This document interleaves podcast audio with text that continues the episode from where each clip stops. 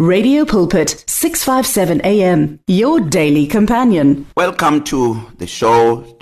I just want to take this time to um appreciate you for tuning in today. My name is Pastor Kenny Mukwena and it's time for you to experience the blessing. We always start our show with a word of prayer and I believe that every time when we pray there is a certain alignment and tuning of our spirit you know to what we're about to hear. Father thank you so much for my brother my sister who has tuned into this show right now. I pray lord god that you touch them. I pray that you bless them. I pray that you meet them at the point of their need. I declare it is well with them in jesus name. Amen and amen. We're talking about manifesting the blessing we started the conversation a few weeks ago and i hope if you have been you know a, a part of this uh, conversation there are certain things that are making sense to you because God gave me this message because I believe with all my heart that there are people that are stuck in one place waiting for things to change without knowing that things will not change until you move forward until you take a step. I'm using Isaiah 60 verse 1 in the new in the amplified classic edition as my theme text for this conversation. And i want to encourage you today please open your heart. As the holy spirit minister to you do not remain in the same place that you are in. I want to show you with this conversation how important it is for you to manifest the blessing and how to manifest the blessing because unless you you you you you, you really get a revelation of the word of God and see something you may not have seen yourself before you will be stuck in that place for a very long time and waste a lot of time. Remember, time wasted will never be regained. That is why the Bible calls us to walk circumspectly at the time we're living in, not as fools, but as wise, knowing what the will of the Lord is, redeeming the time. We are called to redeem the time. To redeem the time is to make every moment count. Make every moment count. You cannot waste time. Time lost will never be regained. I always say that there is nothing on this earth as expensive as time because once you squander the time no matter what you can do you can't go back to yesterday and try to live yesterday and make and and do certain things yesterday differently. And you know God is a God of intent. Is deliberate. Look at how he has divided the days. We can be able to count the days. And I can tell you now if you look at 12 months or you look at 30 days in a month or you look at 7 days in a week or you look at 24 hours in a day how much of that time is used you know fulfilling the will and the purpose of God for our lives? How much of that time? Because the time that counts before God is the time that we use for the advancement of the agenda of heaven here on earth. Remember revelations 22:12 Jesus said behold I'm coming quickly. He says my reward is with me to give to everyone according to their work. I want to warn you today my brother my sister Jesus Christ is coming back. You cannot waste time looking at what you are going through, moaning and groaning and you know complaining about where you were born, complaining about your parents, complaining about your wife, your husband, complaining about your boss, your job, complaining about everything, complaining about the government, the president, parliament, complaining about political parties, you name them. Those things are not going to assist you. Complaining does not help. That is why, you know, in in in the last uh, um show we spoke about what God said to Moses. You know, I heard this from from Reverend Reinhard Bonke and I mean it exploded in my spirit where he talks about the fact that Moses said, "Stand still and see the salvation of the Lord which has accomplished for you." And then in two verses later, God corrects Moses He says, Tell the children of Israel to move forward. I mean, that is so profound. The miracle did not happen while they were standing still. And there are many people right now are standing still, waiting upon God. The miracle happened when they move forward. And Jesus also demonstrated this in Luke chapter 17. If you look at chapter 17 and know you know this story, the, the 10 lepers who saw Jesus from a distance and they call upon him, Master, have mercy on us. And then Jesus said to them, Go show yourself to the priest as a testimony of your healing to them. Look at what Jesus is saying. These people are saying, Lord, help us. He says to them, Go. His first statement is go. Go and show yourself to the priest. This is what God said to Moses. Tell the children of Israel to move forward. In other words, tell the children of Israel to go forward, to proceed, to go ahead. Now, Jesus said to them, Go and show yourself to the priest. I can guarantee you, according to the scripture, these people, when they began to make a move to present themselves to the Levitical priesthood, they were not healed. But the Bible says, as they went, they were healed. As they went, they were cleansed. They were not cleansed when Jesus said go. They were cleansed when they began to make a move. That's when the miracle happened. The Red Sea did not open when they were still standing there. The Red Sea opened when they began to make a move. So today I'm encouraging you if you are standing still because of circumstances in your life, you're praying but you're not moving forward. You can pray until Jesus Christ returns. Nothing will change. We do not stop because there are circumstances. If God has called you to do something, keep moving forward. Keep moving forward. Let's say God give you, He tells you build a, a build a, a, a building. You know, I, I once heard this from uh, Pastor Creflo Dollar uh, of World Changers Church um, when they build their dome. He said they they had that piece of land, that huge piece of land that they had, and they did not have money. And then they went to God and said, Lord, I'm waiting for the money. And the Lord said to him, dug a hole, dug a hole. That's all he could. He had the the means to dug a hole and he dug a hole. In our language you call it a foundation because when you do a dome you first start by dug, digging a hole. So they dug a hole. When they dug a hole the money was available to pay the workers who dug a hole.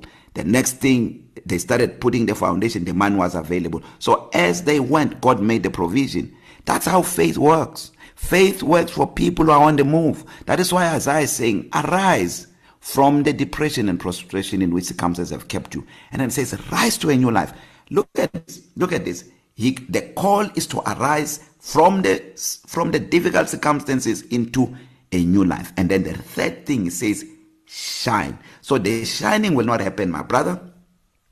The shining will not happen for as long as you remain under the circumstances that you are in and refuse to rise. So many people say let the circumstances change and I will rise. It doesn't work like that with faith. No, the Bible says talks about uh, Abraham in in Romans 14 it says not being weak in faith he did not consider his own body being dead and the deadness of of his wife's womb.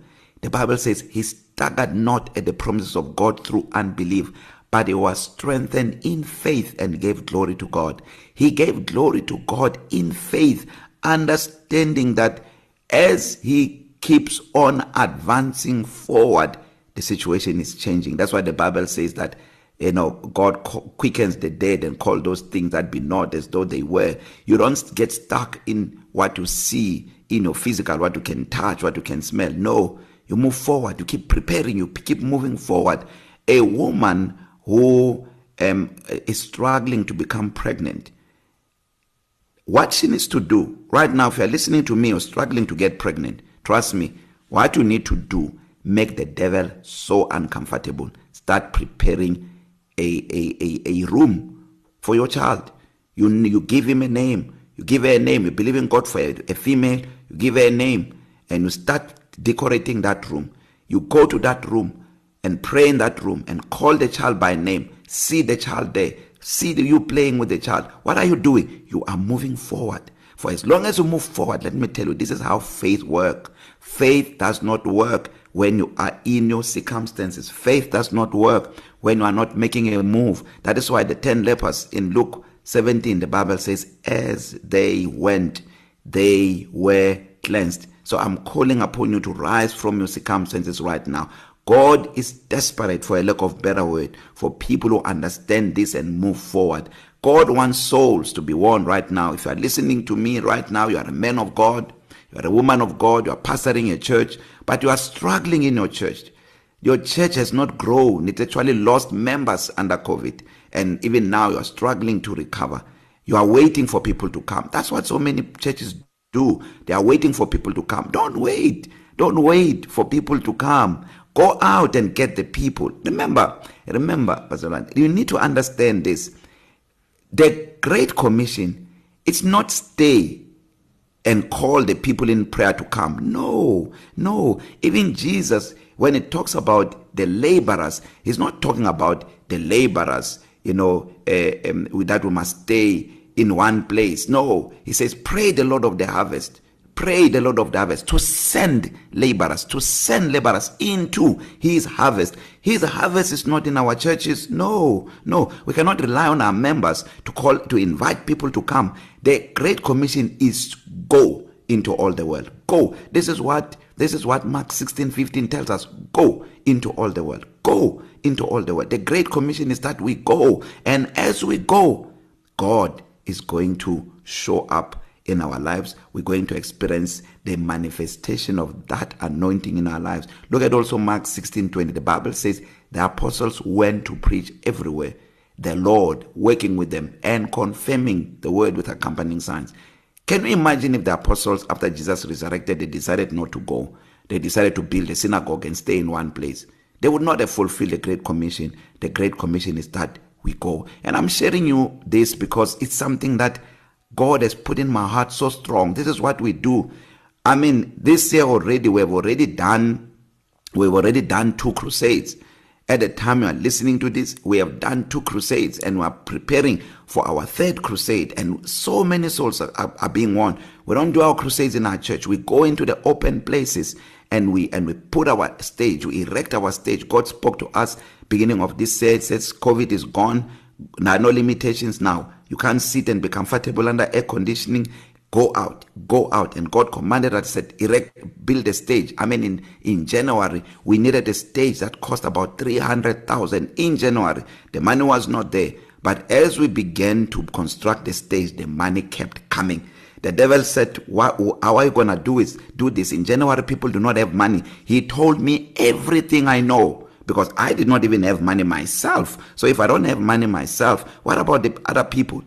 God said move forward. We we we, we got quotations we command we we we, we instructed the the the the, the uh, uh, company to start constructing. We paid the deposit. When they finished the first phase and they needed money for the second phase the money was there. They kept on moving until the stage was finished. The day the stage was completed we got delivery of the stage without not even a cent owing. So i want to tell you this as you move forward God is going to back you up. If you wait to say, no, let me wait for money. The other people who says, if I can only have 20,000, I can start. No, you don't need 20,000.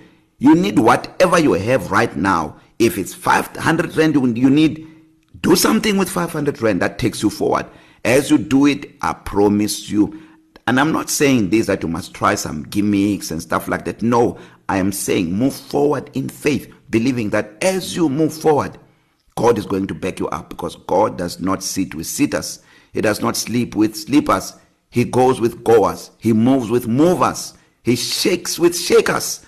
This is what God does, and this is what I'm encouraging you. Do not let your circumstances stop you. Has God given you a vision? What has God told you to do? You're waiting, if only I can have this and that. No, that's what the devil is hoping that you do. But this message is meant to awaken you. You are called to manifest the light. You are called to manifest the blessing. You are called to manifest Christ because Jesus is the light. I've run out of time. I just want to pray for you right now if you're not born again. The Bible says that the wages of sin is death. Romans 6:23 but the gift of God is eternal life in Christ Jesus. So Jesus is the gift of God but for you to enjoy that gift you have to accept the gift. You have to make this prayer believing in your heart that when Jesus died on the cross, he was dying for you, and that when God raised him from the dead, it was for your glory. So make this prayer with me. Say, Lord Jesus, I receive you now as my Lord and my Savior. Amen and amen. If you made that prayer, you are born again, you are my brother, you are my sister. I will see you in heaven. I have prepared very powerful free salvation material that will guide you on what to do now that you are born again. So request for it is free by sending me a WhatsApp message on plus two seven six six zero six six zero two five zero plus two seven six six zero six six zero two five zero, and I will send it to you right away. I bless you. I pray that the hand of the Lord be upon you today more than ever. May God open doors for you which no man can shut I bless you, I bless you, and may you experience the goodness of the Lord every moment of every day. God bless. Share our passion for life on 657 AM. Radio Pulpit understands that praying alone isn't always easy. So, join us to form a chain of prayer for you and with you. To do so, send in your prayer requests on 067 429 7564. That is 067 429 7564. Or alternatively, email us on prayer at radiopulpit.co.za. That is prayer at radiopulpit.co.za. You can now buy your favorite programs and series of the past 38 years on eCompanion, Radio Pulpit's own online shop. Revisit programs by beloved presenters like Justice Chungu, Cecile Burger, Esti Geldenhuys, and Pastor Aaron Jelle. Books and CDs from various authors and artists, as well as Radio Pulpit t-shirts, caps, and other branded products will also be available on eCompanion, your one-stop soul food shop. Visit radiopulpit.co.za and click on shop. T's and C's apply. You and 657 AM and life, a winning team on the road to eternity.